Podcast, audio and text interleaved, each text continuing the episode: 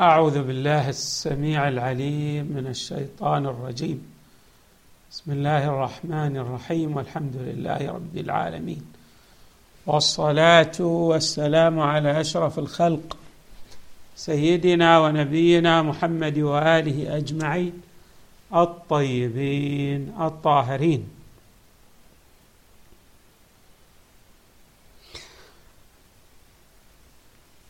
جاء في دعاء الحزين لإمامنا السجاد عليه السلام في مناجاته لله.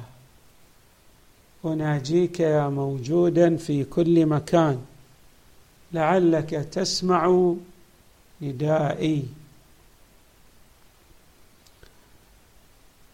أطلق الإمام السجاد عليه السلام لفظة موجود على الله تبارك وتعالى. والسؤال ها هنا هل أن إطلاق الإمام عليه السلام لفظة موجود على الله؟ بمعنى الاشتراك المشترك اللفظي مشترك اللفظي كلفظة عين التي لها مصاديق متعددة.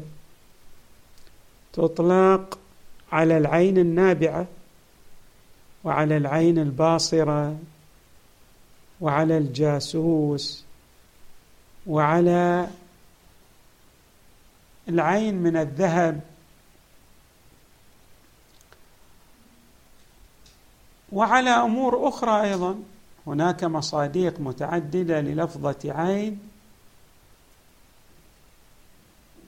والاشتراك اللفظي في اللغة موجود. بالتاكيد أنه إطلاق لفظة موجود على الله. ليس بمعنى المشترك اللفظي. ولكن هل يمكن أن نطلق لفظة موجود بمعنى المشترك المعنوي حتى يتضح هذا المعنى؟ نعطي إضاءة. ما هو المراد بالمشترك المعنوي؟ لما نقول مشترك معنوي له معاني. من جملة المعاني أن نطلق اللفظ على حقيقة واحدة. تتفاوت درجاتها. كإطلاق لفظ السواد على حقيقة هذا اللون المعروف بدرجات متفاوتة. على كل الدرجات يعني نطلق سواد سوادا. لكن درجات السواد هذه المتفاوتة نقول بينها حقيقة تشكيكية. يعني تتفاوت السواد الأشد أولى بإبراز مصداق السواد. هذا أحد المعاني للمشترك المعنوي. وله معان أخرى لما نقول هذا مشترك معنوي أحد المعاني.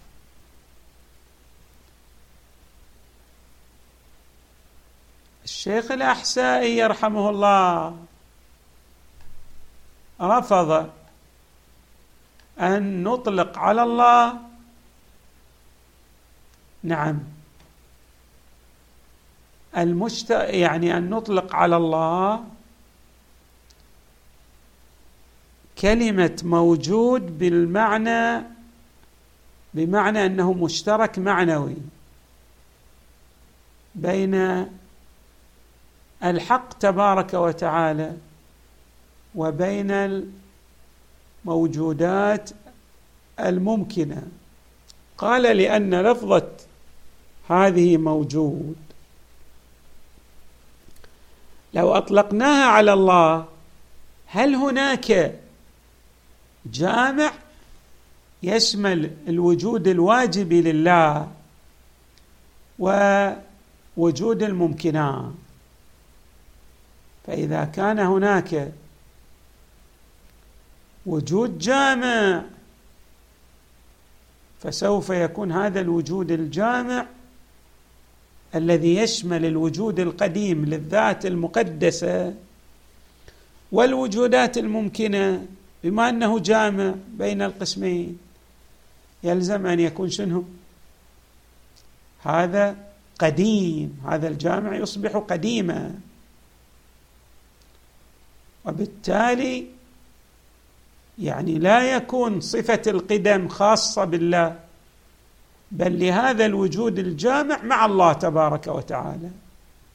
فتتعدد القدماء وذلك ينافي أدلة التوحيد. ثم أيضا الشيخ الأحسائي يقول أو مدرسة الشيخ يرحمه الله تقول خلينا نقول مدرسة الشيخ تقول هل أن هذه الجهة الجامعة بين الوجود الواجبي والوجودات المختلفة هل هي ماذا؟ هل هي نفس الأقسام؟ أم هي مختلفة عن الاقسام هذه الجهة التي جمعت بين الوجود الواجبي والوجودات الممكنة هل هي نفس الأقسام أم هي مختلفة عن الأقسام؟ فإذا كانت الجهة الجامعة هي الأقسام فكيف يكون الشيء نعم واحدا باعتباره جهة جامعة؟ ومتعددا باعتباره ينقسم إلى أقسام. وإذا كانت الأقسام مغايرة للجهة الجامعة الأقسام لديها تغاير عن الجهة الجامعة فيلزم جهة جامعة خارج الأقسام. تصوروا جهة جامعة خارج الأقسام وبالتالي شو يصير؟ فلا يكون هناك اشتراك معنوي يشمل الوجود الواجبي والوجود الممكن. ولو كانت هناك جامعة بين الأقسام يلزم؟ يلزم تركب الواجب تبارك وتعالى. لأنه يصير شنو؟ وجود واجب. لكن ماذا يمتاز؟ بميز يميزه عن الوجود الممكن. وهذا المائز أو الميز للوجود الواجب هو الذي يفترق به الواجب عن الوجود الممكن كما يفترق الوجود الممكن عن الوجود الواجب هكذا تصور الشيخ الأحسائي يرحمه الله. الآن اتضح لدينا أنه لا إشكال في النقطة الأولى في إطلاق الوجود على الله. لكن هل أن إطلاق الوجود على الله يلزم منه هذه اللوازم التي قالها الشيخ؟ مثلا التركب بين الوجود الواجب والوجود الممكن. لما نقول هناك اشتراك معنوي اولا خلينا نفهم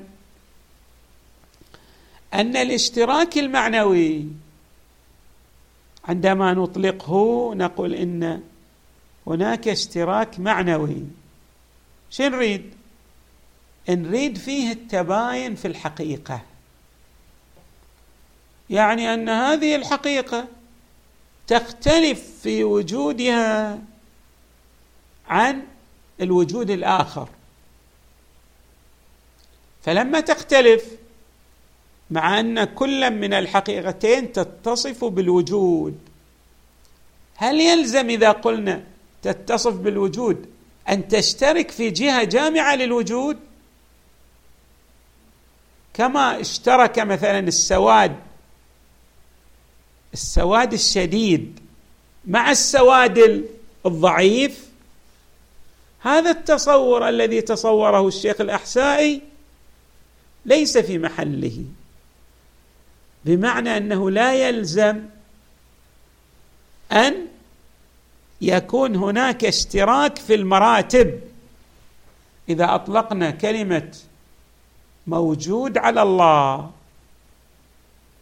كما جاء في دعاء امامنا السجاد. لا يلزم أن يكون الوجود الواجبي كوجود الممكن ابدا. نقصد بالموجود المعنى المراد من الوجود الواجبي يختلف عن الوجود الممكن. ما هو المعنى؟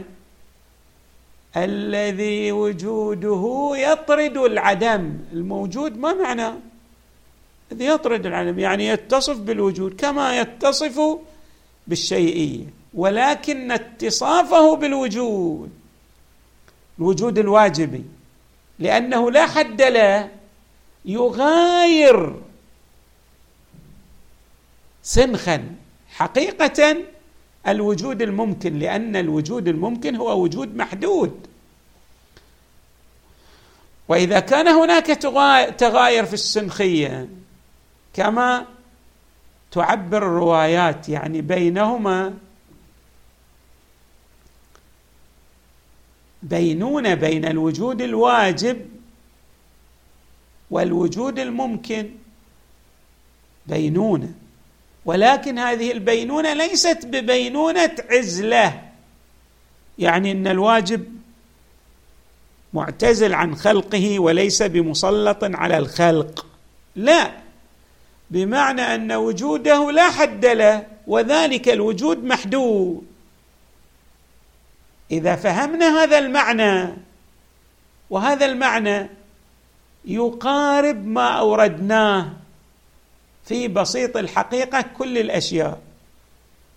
يعني هو جميع الكمالات الموجودة للأشياء يتصف بها لأنه هو الذي أفاضه عليها. وليس يتصف بأي نقص اتصفت به تلك الوجودات الممكنة. فالنقص تنزه عنه الذات. هذا الوجود أيضا لما نطلق الوجود على الله من المعلوم أن هذا الوجود لا حد له وهو وجود قاهر ووجود ما عداه ماذا؟ مقهور به تبارك وتعالى.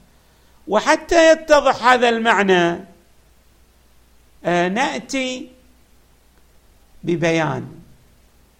هذا البيان يوضح لنا كيف يعني أن الآيات القرآنية سارت على هذا المنوال.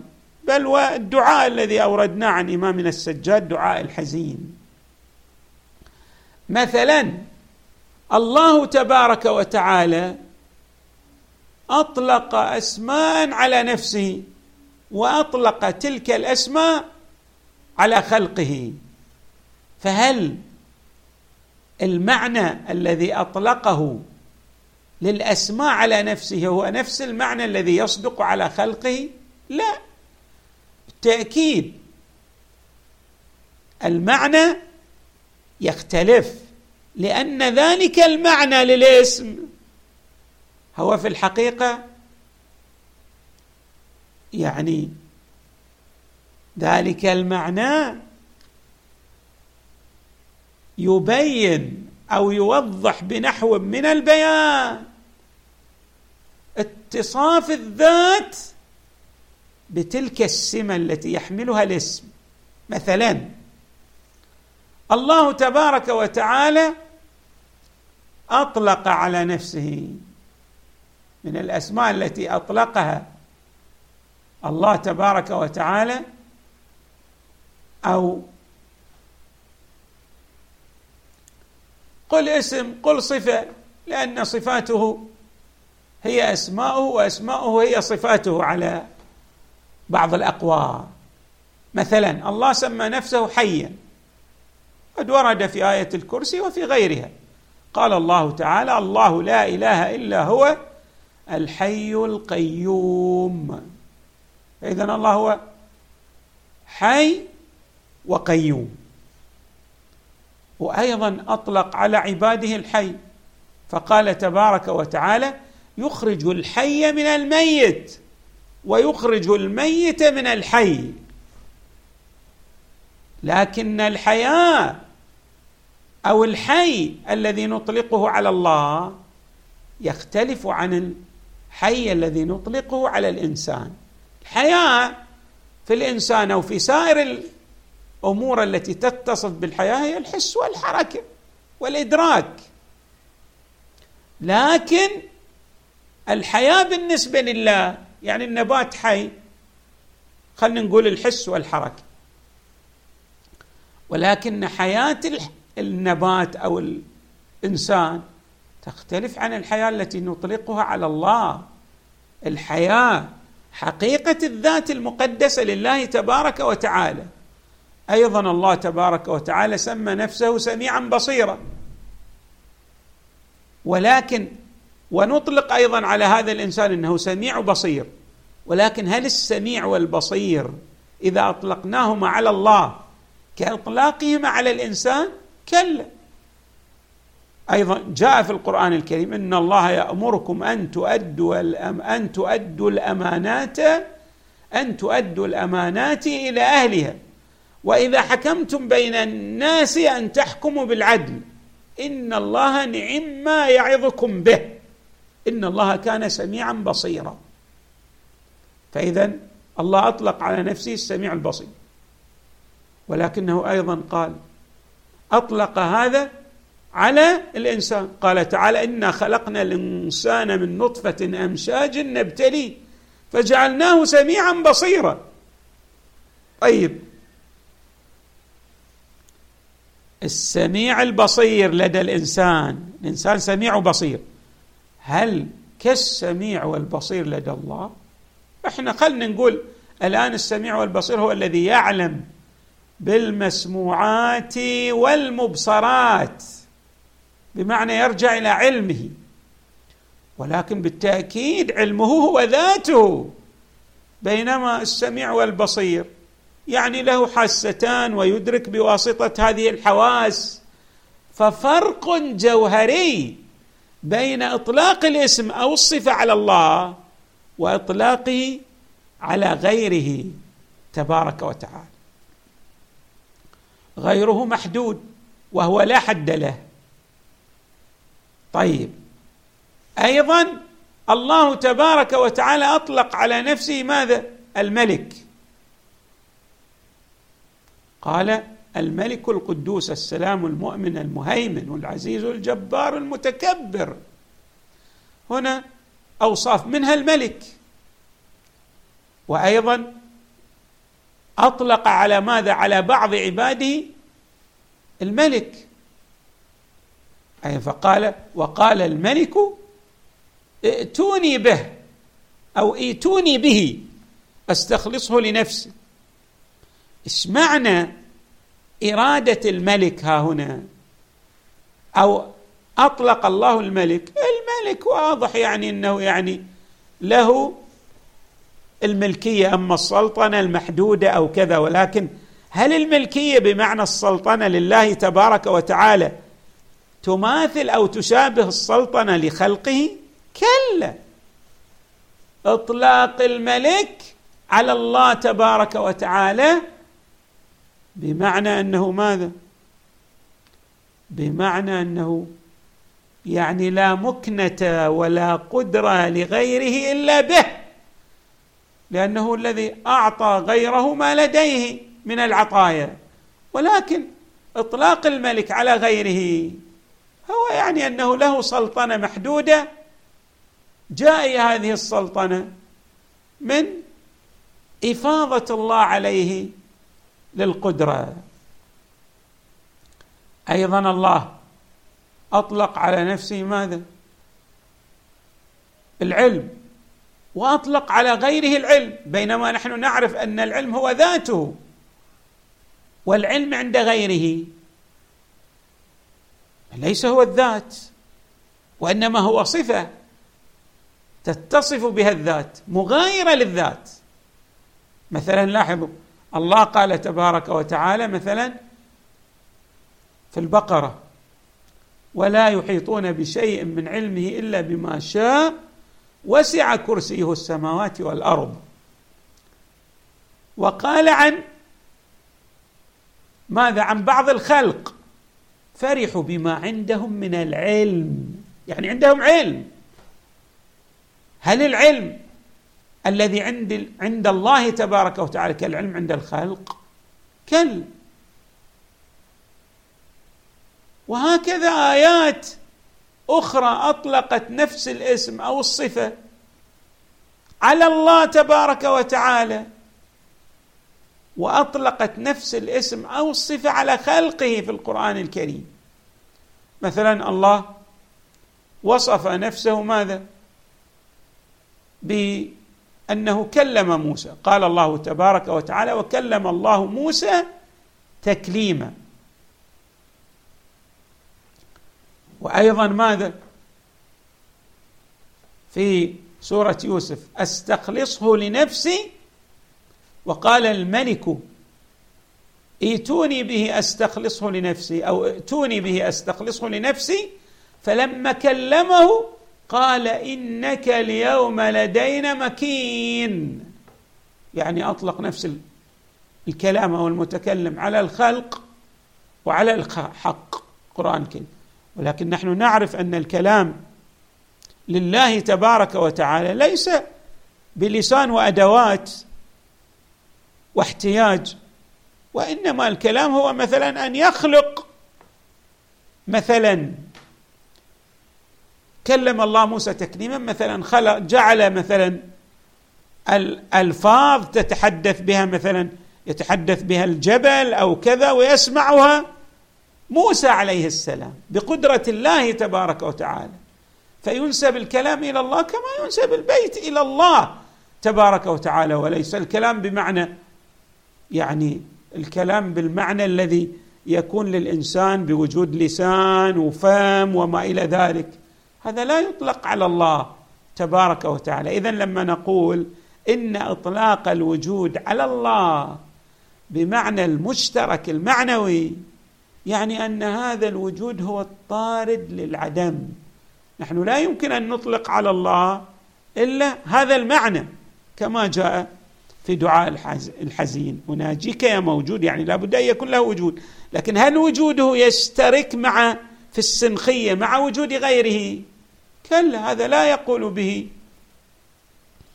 من يعني يتقن ويدرك القواعد الحكمية. لا يقولون إن الوجود للحق يقول كالوجود للخلق. هذا وجود محدود وذاك وجود لا حد له.